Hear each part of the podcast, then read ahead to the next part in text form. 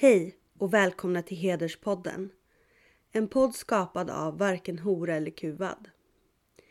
Vi är en förening som vill vara en röst för de som annars inte får sin röst hörd. I den här podden kan ni få kunskap om hur hedersnormer kan se ut. Om ni vill veta mer om hederskultur så kan ni läsa vår metodbok Respektguiden som handlar om hedersnormer och vilka rättigheter de som är hedersutsatta har. Ni kan också läsa Varken hora eller kuvas rapporter 11 och 1200 som kartlägger hedersförtryck i socioekonomiskt utsatta områden i Stockholm och Göteborg. Vi har också en tidning, Förortsfeministen, där vi skriver om hedersnormer.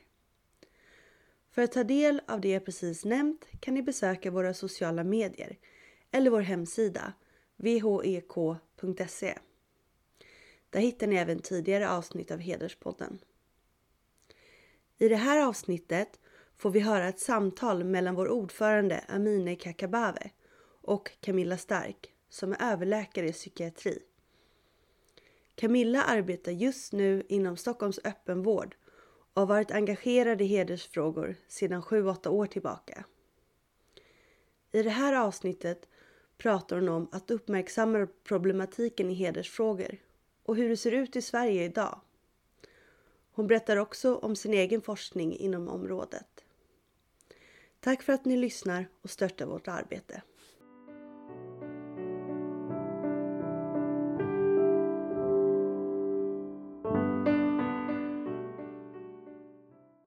Jag är ju överläkare i psykiatri och jobbar i Stockholm just nu inom öppenvård psykiatri. Och eh, jag har varit engagerad i hedersvåldsfrågan sedan um, ehm, ett par år tillbaka, kanske sju, åtta år. Men det hela började egentligen med att jag hade en vän som var utsatt för hedersvåld av sin familj. Och det här var ganska länge sedan. Eh, och eh, det väckte min kunskap om ämnet och mitt engagemang. Men det tog ett par år innan jag eh, valde att engagera mig och det var för att jag var så eh, bestört över hur vänner omkring mig och samhället i övrigt hanterade den här frågan och hur svårt det var att prata om det och bemöta det. Ehm, så det gjorde att jag först tog jag kontakt med GAP och sa att jag ville bli eh, volontär. Och sen var det lite på den vägen. Jag var stödperson och engagerade i olika saker där. Sen har jag föreläst sedan ett par år tillbaka för vårdpersonal Eh, om det här ämnet runt om i Sverige och fått väldigt mycket berättelser eh, till mig kring situationer vårdpersonal kan ställas inför och eh, svårigheter som man upplever i vården. Och jag har liksom samlat en litet bibliotek av olika situationer och problem och funderat mycket kring olika lösningar man kan ha utifrån rådande lagstiftning och utifrån vårdens möjligheter eh, Eh, och begränsningar. Men, eh, och sen gjorde jag i slutet av min specialisttjänstgöring ett vetenskapligt projekt också som berörde journal via nätet och eh, hedersrelaterat våld. Därför att, och det har varit en av de frågorna som jag engagerat mig i, därför att vi ser ju att utsatta kontrolleras bland annat via GPS-tjänster och platstjänster i mobiler. Och eh, vi vet att man använder vilka kontrollmedel man, man kan i en sån här situation för att kontrollera en utsatt person. Vet man då att journalen går att läsa via nätet, då kommer man ju vilja ta reda på vad det står där om en flicka har sökt vård. Eh, och det är ganska lätt i en hemsituation där en utsatt person saknar integritet och kanske inte handhar sina egna ID-handlingar, eh, att man förväntas logga in med sitt bank-ID på datorn och läsa journalen i närvaro av anhöriga eller närvaro av familj och make och så. Eh, alternativt att man faktiskt tvingas och hotas till det.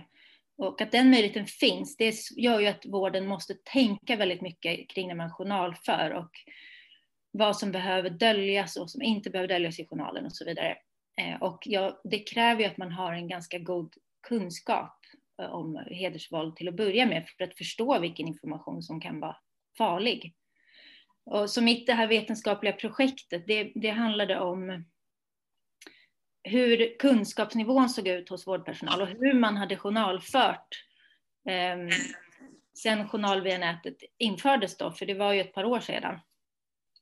Och då, ja, om ni vill kan jag berätta lite mer om det projektet senare, men det visade sig ju till exempel att eh, Eh, de som deltog i det här projektet, det var, en ganska, det var begränsat, så det var relativt kort tid att genomföra det på och eh, jag tror att det var 120 deltagare som svarade på frågor eh, i en enkät och det var också intervjuer.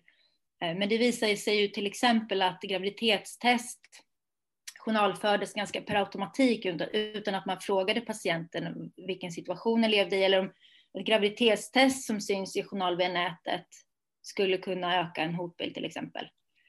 Och det framkom också osäkerhet kring om abortjournaler syntes i journal via nätet. Det var massa sådana här frågor som eh, högst relevanta för eh, den här frågan. Eh, sen hade jag också förmånen att vara med 2019 i ett projekt inom kriminalvården som hade regeringsuppdrag att ta reda på mer om hedersvåldsbrottslingar. Så då var det jag och en kollega, en psykoterapeut, vi intervjuade eh, dömda klienter som hade begått grova brott där vi bedömde att det var ett hedersmotiv bakom det. Eh, och så försökte vi ta reda på mer om vad som hade lett fram till det här och eh, eh ta reda på mer om individerna. Så den rapporten kom också kom i våras 2020. Och så det är lite grann min Ja, vad, vad, vad, kan, du, kan du berätta bara kort vad, vad det var för resultat av det ja. där det var ju lite blandat kan man säga. De allra flesta, det, var egentligen bara en av de här 16 personerna som, ville, som sa att ja, det här var ett hedersrelaterat brott. Resten, tror vi, tror jag, skämdes väldigt mycket över och ville mörka hela situationen för att man vet att det inte socialt accepterat och eh, det var ju såklart svårt att förvänta oss att de skulle vara ärliga också mot oss. Men det som framkom, för motsatsen till, de, de, den ena, en person sa att han var väldigt stolt över sin heder och skulle gjort det här brottet igen alla gånger och sådär. Eh, de flesta sa ju att vi har ingen hederskultur alls eh, i vår familj. Eh, och det fanns väl i vissa fall saker som tydde på att det inte var så. Men eh, väldigt många hade väldigt många hederskulturella värderingar om flickors oskuld. Två personer hade utsatt Eh, sina döttrar, eller deras döttrar hade genomgått oskuldskontroll i Sverige till exempel. Eh, det fanns väldigt mycket, ja men det var uppfattningar om att flickor måste vara oskuld vid bröllopet och att man ska inte ha delad undervisning i skolan med flickor och pojkar tillsammans till exempel. Så det fanns väldigt mycket sådana värderingar som de, de pratade om och berättade om, men de tyckte ännu inte att det var en hederskultur. Mm. Um, eller sa inte det till oss. Att, och det kan väl hända att det också att de, de inte förstår det, alternativt att de, tror jag, inte vill berätta för, för oss om det helt enkelt. Men det var väldigt intressant och eh, att det gick att ha väldigt, eh, liksom, ganska personliga samtal kring allt möjligt och så. Mm. Eh, så det var en privilegium att få göra det tyckte jag. Jag, jag måste bara nämna en sak till om den där rapporten. Ja. För det som jag tycker var så anmärkningsvärt, det var att flera av dem som efterlyste, de önskade att de hade fått bättre information när de kom till Sverige. Kring lagar och hur det fungerar i Sverige och även kring myndigheterna, vart man vänder sig med det ena och det andra. Om man uh, har en konflikt, om, man in, om, det, om ens fru vill separera, hur, hur gör man då i Sverige? Vart vänder man sig? Vad har man för att jag upplevde att många kände sig helt, eh, mattan hade dragits undan, det fanns inget liv kvar. Liksom. Ehm, men just det här information om hur Sverige funkar och lagstiftning. Det var någon som sa att men jag trodde det var okej att köra rattfull i Sverige. Det var ingen som sa att det var olagligt. Så, så det är ju olika hur man tänker i olika länder och Sverige är inte korrupt på det sättet som man kanske är van vid, att man kan betala sig fri när man har begått ett brott. Det fanns många sådana beskrivningar kring Men sen såg vi också att det fanns en ganska hög grad av antisociala drag som det finns eh, i andra typer av kriminalitet och så. Så det fanns också likheter. Eh, men just den där faktorn tyckte jag var väldigt intressant och jag tror att det är så viktigt att vi informerar och upplyser om, om vad som är accepterat och inte och vad som är olagligt och vad som eh, också liksom, att hedersnormer inte är accepterade i Sverige. Det måste man ju börja upplysa om väldigt tidigt eh, för personer som kommer till Sverige. Absolut. Hur, eh, eh hur, hur, jobbar man inom vården i ditt yrke? Eh, du möter en del, men du också eh, har säkerligen kollegor som, som möter det här med oskulds, frågan om oskuldsintyg och oskulds, så kallade oskuldsoperationer och det här. Hur, hur ser det inom vården? Hur, vilka är det som utför och hur är omfattningen tror du? Det, kan ja. du... Jag, eh, jag jobbar ju i psykiatrin så att jag, jag möter inte själv frågan att en patient kommer till mig och vill ha en oskuldskontroll. Eh, men jag, jag har pratat med kollegor, jag vet att kollegor möter det här och jag tycker att det generellt sett bland mina vänner som är gynekologer finns mycket tecken på att de dels inte vill prata så mycket om det här. Eh, jag tror att jag vet inte hur pass mycket man pratar om det inom klinikerna, men det känns lite som det är, är någon slags tystnadskultur kring det. Det här är något vi gör, men kanske inte pratar mycket om. Men sen finns det ju lite studier som är äldre på eh, som har försökt ta reda på hur förekomsten av det här är inom vården.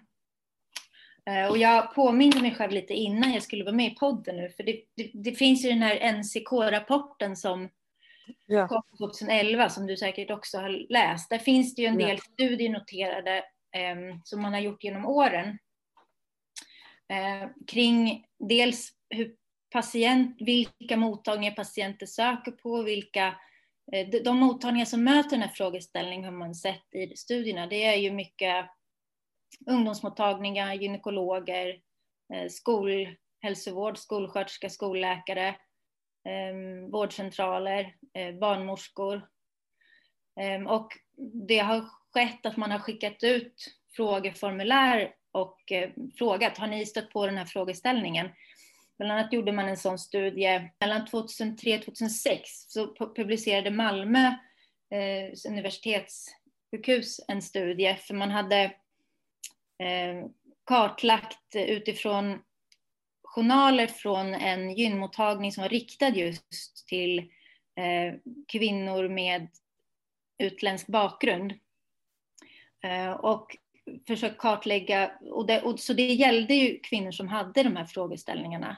Eh, och man hade kartlagt 35 journaler eh, från kvinnor som hade sökt där.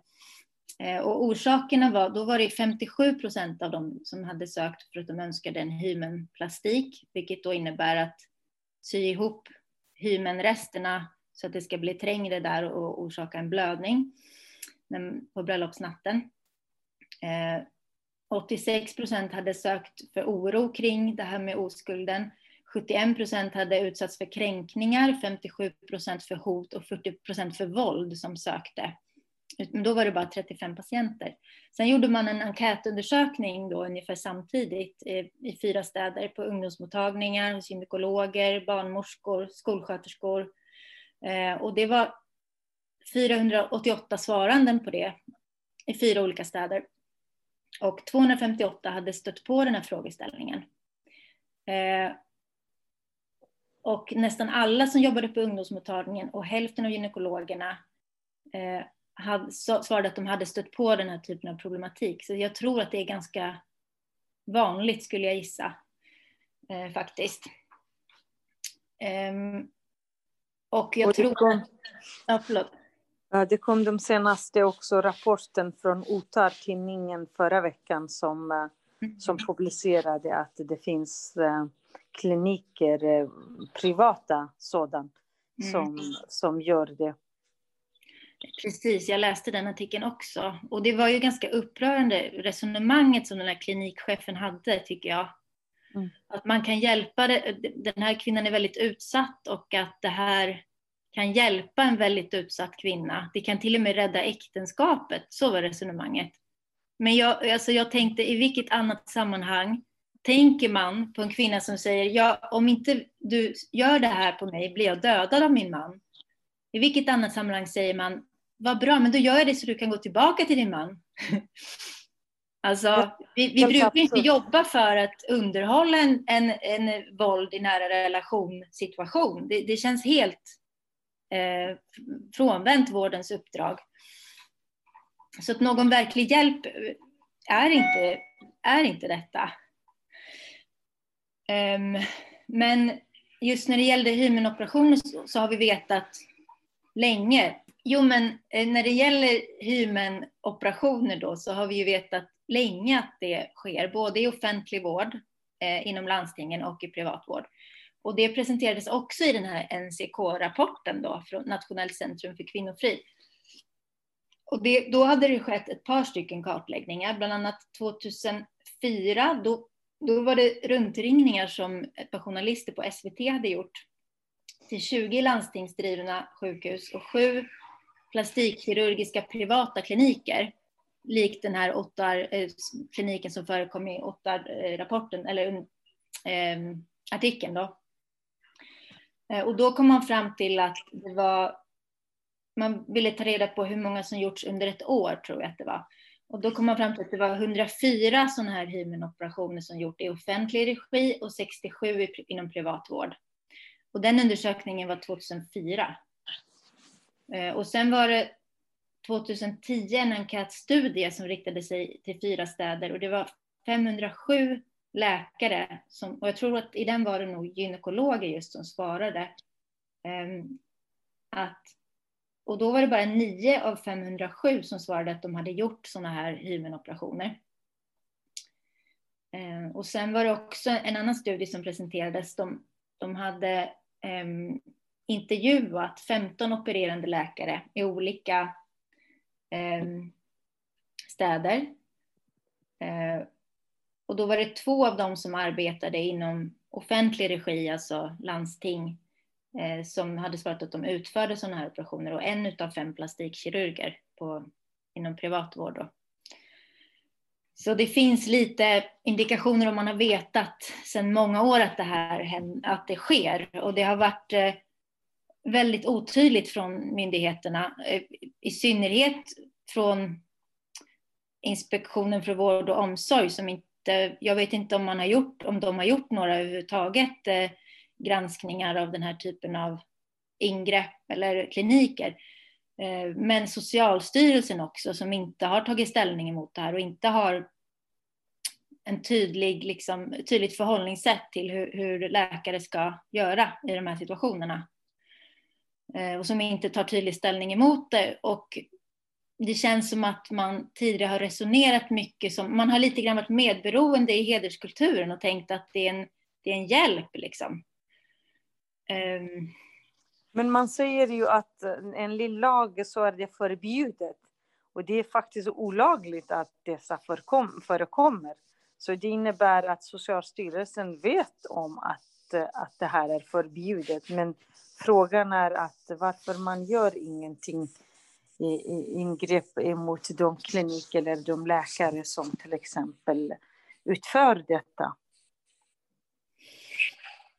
Ja, alltså precis. De här, tänker du på hymenoperationerna som borde vara olagliga?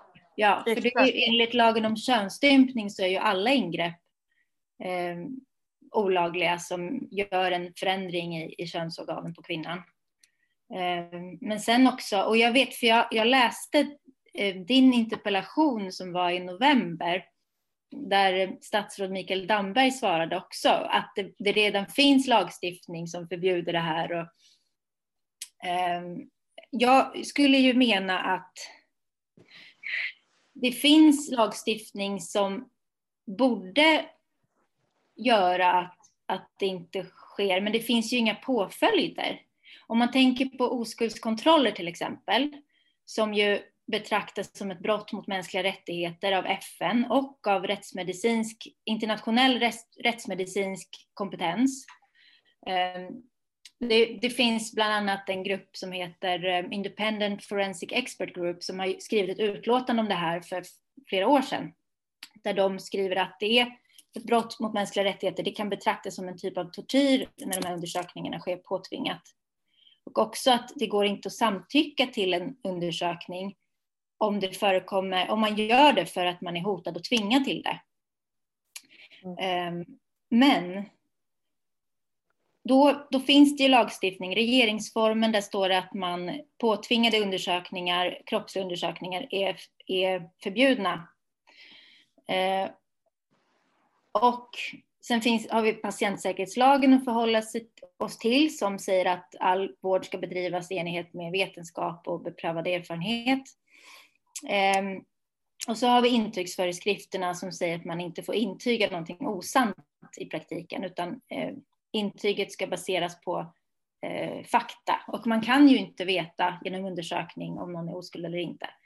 Så rent logiskt sett så, så bryter ju det här förfarandet mot alla de här eh, lagstiftningarna och, och, föreskrifterna vi har. Eh, men trots det så har vi ju inte ett enda fall i Sverige där någon av, som har gjort det här har fått en påföljd. Eh, I situationen till exempel som Kalla fakta, det här programmet 2015 när de granskade just den här frågan och det kom fram att vård, eh, oskuldskontroller hade skett på vårdcentraler i Stockholm, Göteborg och Malmö eh, utav läkare på de här vårdcentralerna. Där gjorde det, gjordes det utredningar av IVO i alla tre de här fallen och det, det framkom att oskuldskontroller hade gjorts tidigare på vårdcentralerna Eh, och, och på en av vårdcentralerna hade det utfärdats oskuldsintyg. Ehm, eller alla tre var det oskuldsintyg, men på en av vårdcentralerna hade man också låtit bli att journalföra de här oskuldskontrollerna tidigare. Och det som hände var att IVO riktade kritik mot de här läkarna, vilket betyder att ehm, man får ett brev där det står vi riktar kritik mot dig. Och det var inte så att IVO såg någon skäl att utreda lämpligheten att ha läkarlegitimation till exempel. Ehm, och det var heller inte så att IVO såg att någonting, eh, ett brott hade begåtts som de kunde polisanmäla. Eh, så påföljderna blev ju väldigt små och jag tänker de som då faktiskt man fick kännedom om hade utsatts för oskuldskontrollerna. I de fallen, det, det, var, det var ingen fråga om att har anhöriga här begått ett grovt brott eller är det, utan det lämnades ju då därhän. Så ja, och det som också Damberg hänvisade till i deras svar var ju att det är ett sexualbrott. Men hur kommer det sig då att det inte finns någon som har som, har, som utsatts för oskuldskontroll som där det har funnits en gärningsman som har blivit dömd för våldtäkt eller eh, sexualbrott helt enkelt. Eh, jag, jag, tror att det kan finnas en svårighet här. Och det, det här gick jag och en jurist eh, igenom för ett par år sedan. Ehm, Fatima Brobeck Khan som jobbar med brottsmål och mycket hedersvåld. Ehm, vi, vi resonerade inför att vi skrev en debattartikel i Svenska Dagbladet att vem är det egentligen som skulle vara då en potentiell gärningsman i de här situationerna? Är det eh, läkaren som kanske är väldigt upplärd och inledd att göra oskuldskontroller från det landet där man har ursprung och som tänker, är själv inne i tänket att jag hjälper flickan om jag gör en oskuldskontroll på henne. Så läkaren har inget uppsåt att våldta, utan läkaren har uppsåt att hjälpa kanske. Eller, och då, då undrar man ju, kan man fällas för våldtäkt om man inte har uppsåt till våldtäkt?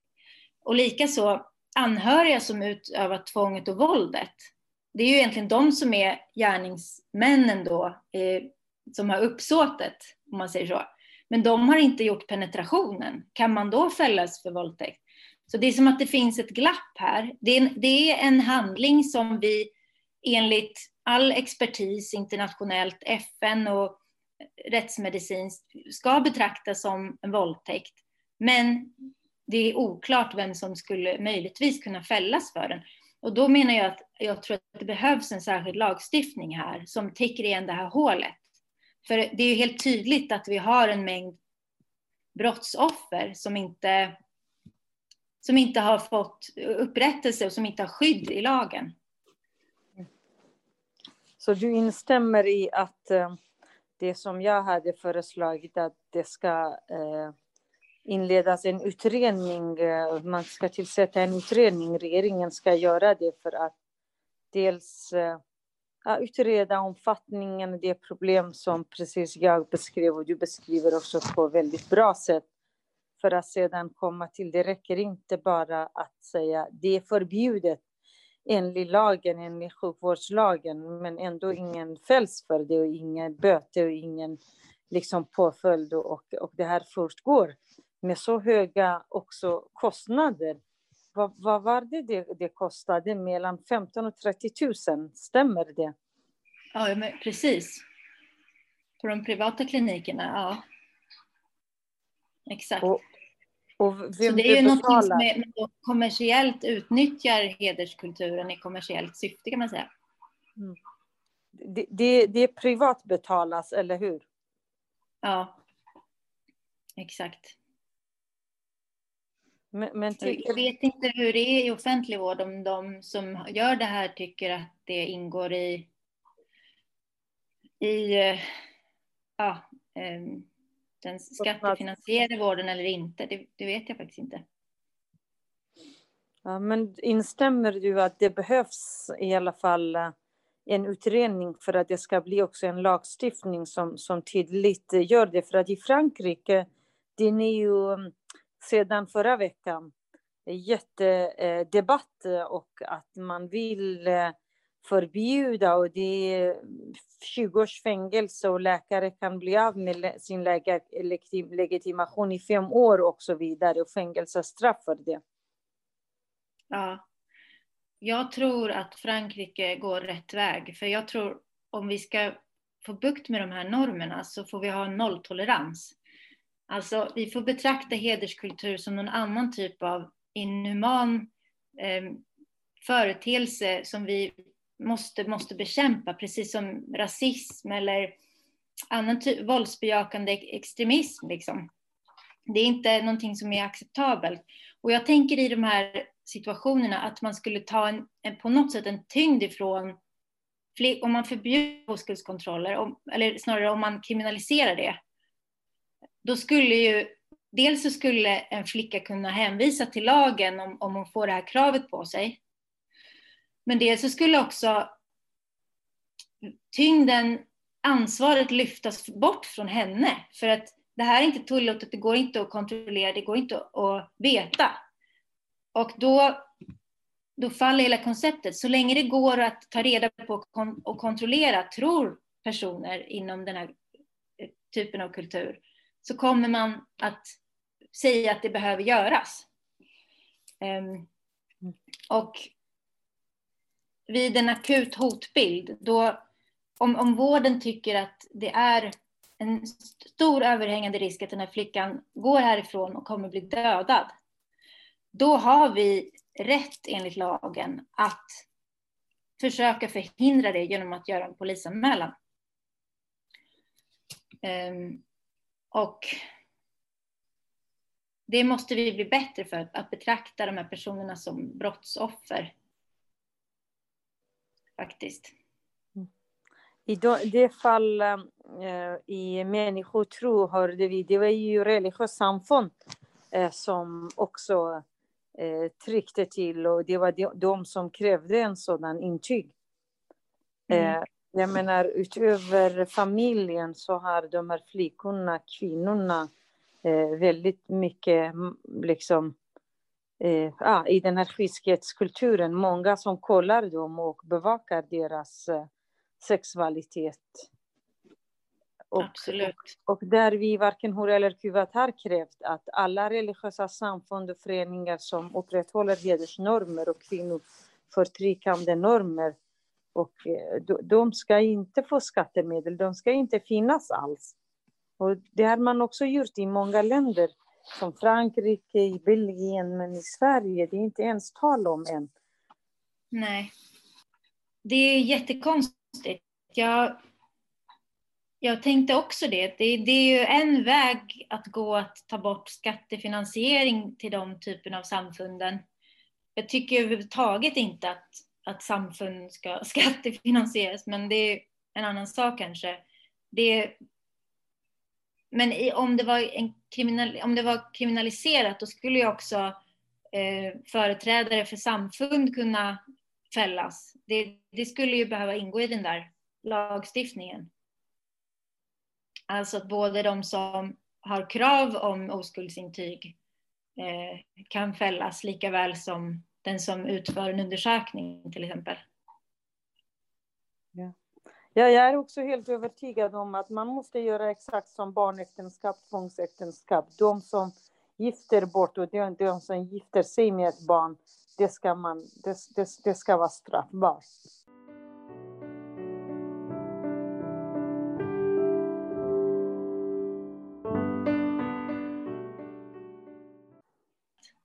Ju mer medgörligt och, och hänsyn samhället tar till den här typen av extremt förtryck, ju mer vi anpassar oss efter det, eh, ju svårare är det att bekämpa det, men ju också mer sanktionerar samhället det här våldet, ju mer eh, fortplantas det och ju fler brottsoffer finns det på sikt också. Så känner jag. Ja. Hur, eh, hur är frågan kring könsstympningen? Ehm, hur, eh, din kännedom om det, det är ju, lagen är ju skärpts. Det, lagen finns sedan 1982, sen skärpts det några omgångar. Och, eh, men, men det finns ändå farhågor och vi läste i somras där en eh, gynekolog från eh, eh,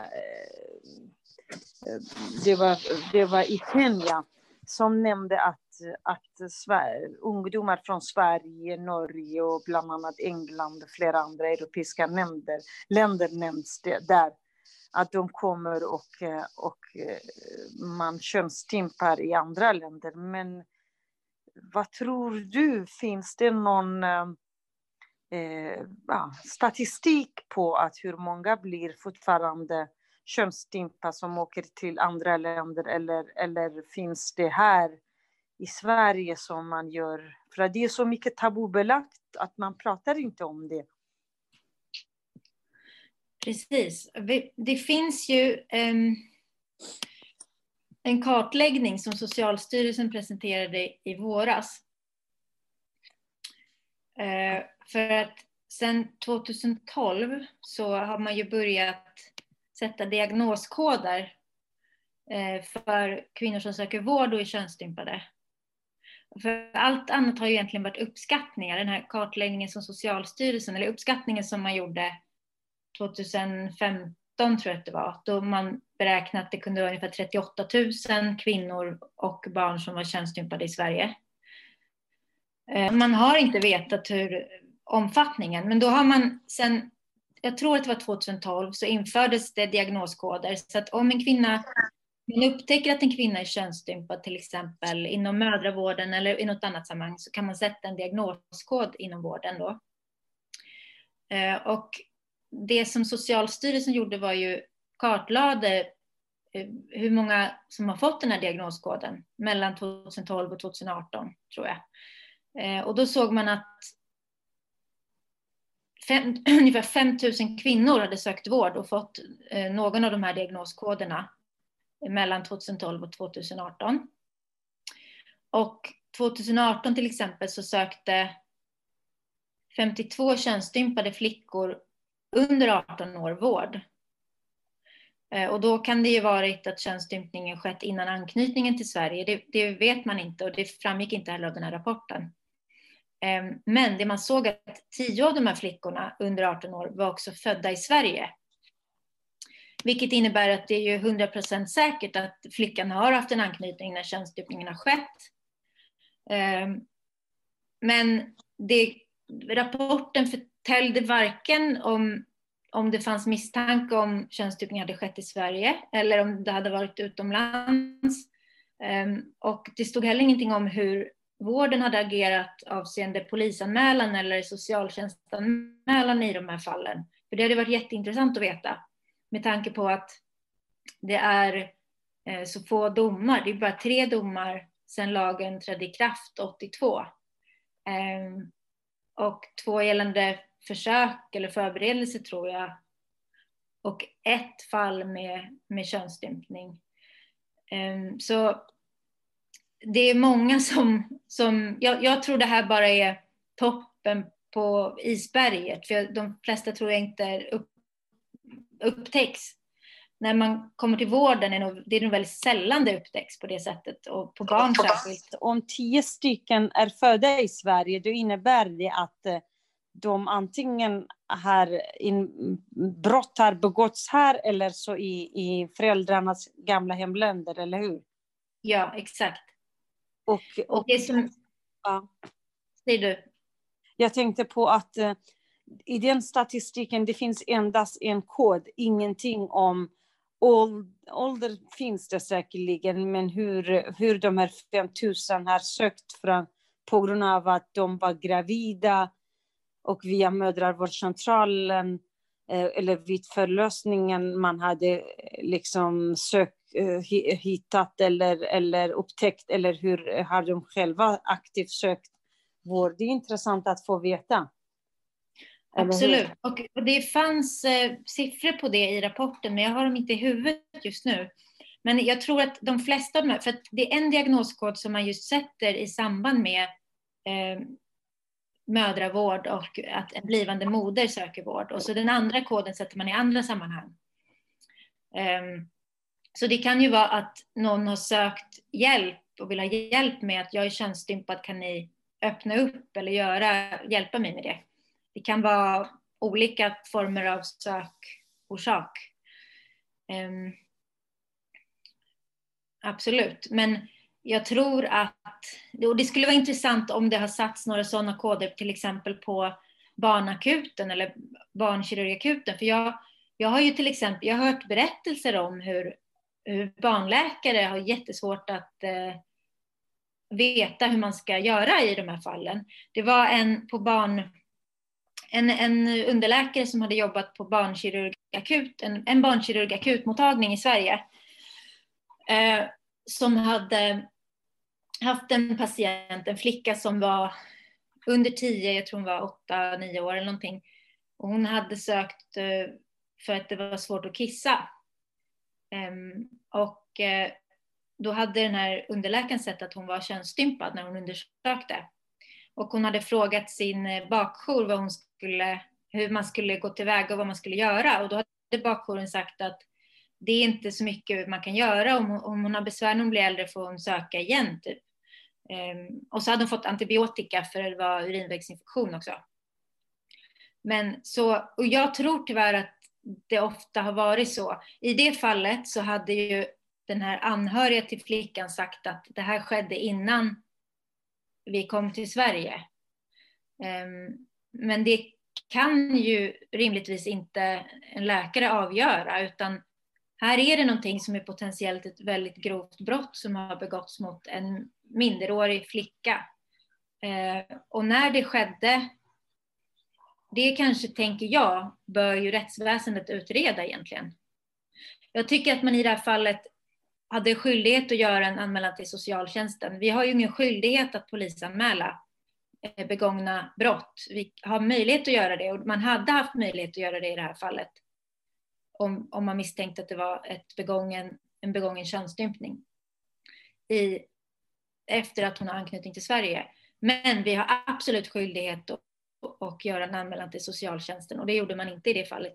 Och jag tror inte att det är så ovanligt att det är så det går till därför att eh, det, det, har inte funnits en diskussion om det här eh, inom hälso och sjukvården.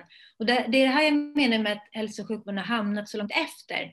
Att det är på den nivån eh, är ju skrämmande. Jag tänker att man, man pratar i så många sammanhang om att eh, liksom socialtjänsten är viktig i sammanhanget och förstås polis och, och det är ju verkligen så det är. Eh, men hälso och sjukvården möter ju patienter som söker av andra, av orsaker som kan vara relaterade till våldet och har möjlighet att uppmärksamma det här. För även personer som är väldigt utsatta och isolerade kommer ju någon gång söka vård, även om de inte gör en polisanmälan eller vänder sig till socialtjänsten eller har kontakt med någon annan myndighet, för de lever så begränsade liv. Så vården söker alltid någon, någon gång i sitt liv. Och är vi inte de som kan se och uppmärksamma och fråga och vet hur vi ska agera, så då kommer inte den här personen få någon hjälp. Det Nej, bara det är så. Precis, men jag tänker också i det här sammanhanget där barn Eh, en, en läkare upptäcker, då borde man, man har faktiskt rätt att prata med barn ensam och, och fråga när skedde detta och, och, och hur skedde och kommer ihåg liksom att ändå kunde man upptäcka och identifiera när, när det hade skett. Och framförallt borde, borde finnas en rättighet att de här barnen öppnas upp också. För att det är ju oerhört lidande och smärtsamt. Och det borde man verkligen jag håller, instämmer, jag instämmer och håller helt och hållet med om att det här så, man skulle anmäla till socialtjänsten direkt om, om det inte visar att, eh, att man har, det här brottet begåtts nyligen. Eh, då kan man faktiskt anmäla i efterhand också. Och det är därför vi också i, Sverige, i varken hora eller kuvad vill att alla eh, former av preskriptioner för hedersbrott ska liksom tas bort. För att då kan man i efterhand anmäla till exempel ett, det här passar väldigt bra, ett barn som inte har vågat kunna säga något till exempel. Då kan man i efterhand säga, nej men jag var ju sex år när vi var, eller fyra år på en resa och det gjorde man. Och då vågar jag inte berätta. Det borde faktiskt finnas, finnas möjlighet i efterhand. Och framförallt inte, inte ansvar läggas på barn. Utan man borde mm. se till att läkare och ja, alla, alla barnläkare är väldigt, väldigt medvetna om det här. Så sorgligt. det här måste vara något som förekommer naturligt som en differentialdiagnos som, som vi säger, att det är en av diagnoserna man överväger när en kvinna eller barn har vissa symptom och att man automatiskt måste utesluta att det här är en del i problemet. Ehm, och så är det inte idag skulle jag vilja säga. Heller. Men eh, ja, men då är, det, då är vi helt överens om att det måste helt enkelt finnas en utredning och en kartläggning men också lagstiftning även mot, eh, mot det här.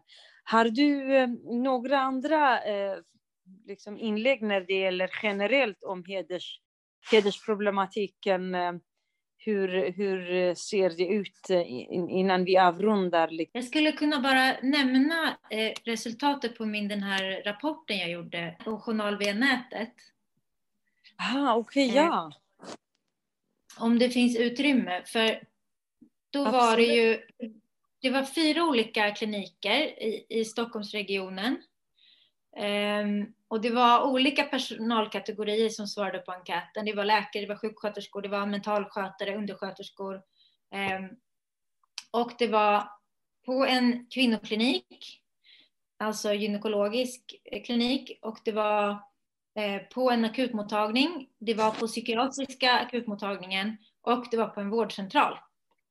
Okay. Eh, totalt var det 130 personer som svarade. Syftet var att ta reda på, sen journal via nätet infördes, vilket nu är, tror jag, fyra år sedan, eh, vilket innebär att ja, patientjournalen är tillgänglig via e-legitimation om man loggar in via Vårdguiden 1177. Eh, sen det här trädde i kraft, eh, syftet var att ta reda på hur, vård, hur medveten vårdpersonalen har varit om att för den här patientgruppen så kan vissa information i journalen utgöra en riskfaktor. Men, och då, var det, då hade jag fem olika frågor och varje fråga innehöll en viss bit information. Eh, och första frågan berörde egentligen basal kunskap. Vad är hedersrelaterat våld och förtryck? Eh, och där var det ändå ganska många som, jag hade delat upp det ut eftersom de svarade på frågan, är den här informationen ny för dig? Och så kunde de svara helt ny, delvis ny, mestadels ny eller inte alls ny. Ehm, och så graderade jag det till om det var god, viss, låg eller mycket låg medvetenhet om vad hedersrelaterat våld och förtryck var då. Och då var det ganska, det var bara 6 procent som hade mycket låg eller låg medvetenhet om vad det var för någonting. Och det tror jag motsvarar lite grann samhället i stort kanske. Att mm. man har mer information allmänt om vad hedersvåld är. Eh, men kanske inte så detaljerat, men, men ändå att det finns en kunskap. Och på den andra frågan, då berörde det hur vanligt hedersvåld är utifrån de studier vi har eh, och kartläggningar. Eh, och då var det 21 procent som hade mycket låg eller låg medvetenhet och lite mer än 75 procent som hade viss eller god medvetenhet, så det var ganska bra. Sen kom nästa fråga. Då, då informerades de här svarande om att när man journalför ett graviditetstest så är det viktigt att man innan vet om det på något sätt kan skada patienten att det här syns i journal via nätet. För att även om det står, det står ett graviditetstest där och det kanske är negativt eller positivt, men oavsett så syns det ju där och om anhöriga ser att det är taget så kan det öka misstanken om att den här kvinnan har haft sex. Och inom vården är det så att vi tar graviditetstest ganska så rutinmässigt på kvinnor i fertil ålder som söker för ont i magen till exempel. Därför att erfarenheten har visat att även om de säger att nej, ja, det finns ingen risk att jag är gravid, så har man sett att en del trots allt är gravida och det finns en väldigt farligt tillstånd där graviditeten sätter sig utanför livmodern. Extrauterin graviditet som kan bli väldigt allvarligt och det är det här man vill utesluta när en kvinna har ont i magen. Därför tas det rutinmässigt. Eh, och ofta, och, och, och, när det gällde den frågan då, om man, om man hade kunskap om att det kunde utgöra en risk att journalföra det här, eh, så var det bara 15 procent som, som tyckte att de hade en god medvetenhet. Låg eller mycket låg hade ungefär hälften av de som svarade.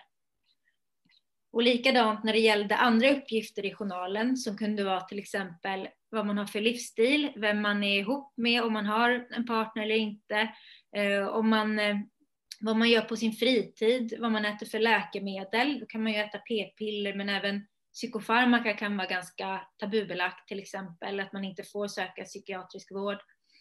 Ehm, eller vem, vilka personer som följer med på besöket, det är sånt som vi ofta skriver i journalföringen. Eh, och informationen kring att det här kan vara farligt om det syns i journalen, eh, då var det ungefär samma siffra, ehm, lite under hälften som hade mycket låg eller låg medvetenhet om det och viss medvetenhet hade 33 procent. Så det var 20 procent som hade god medvetenhet om det då. Och sen så frågade jag hur medvetet man hade journalfört i förhållande till all den här informationen sedan journal via nätet infördes. Alltså hade man tagit hänsyn till det när man förde sina journaler.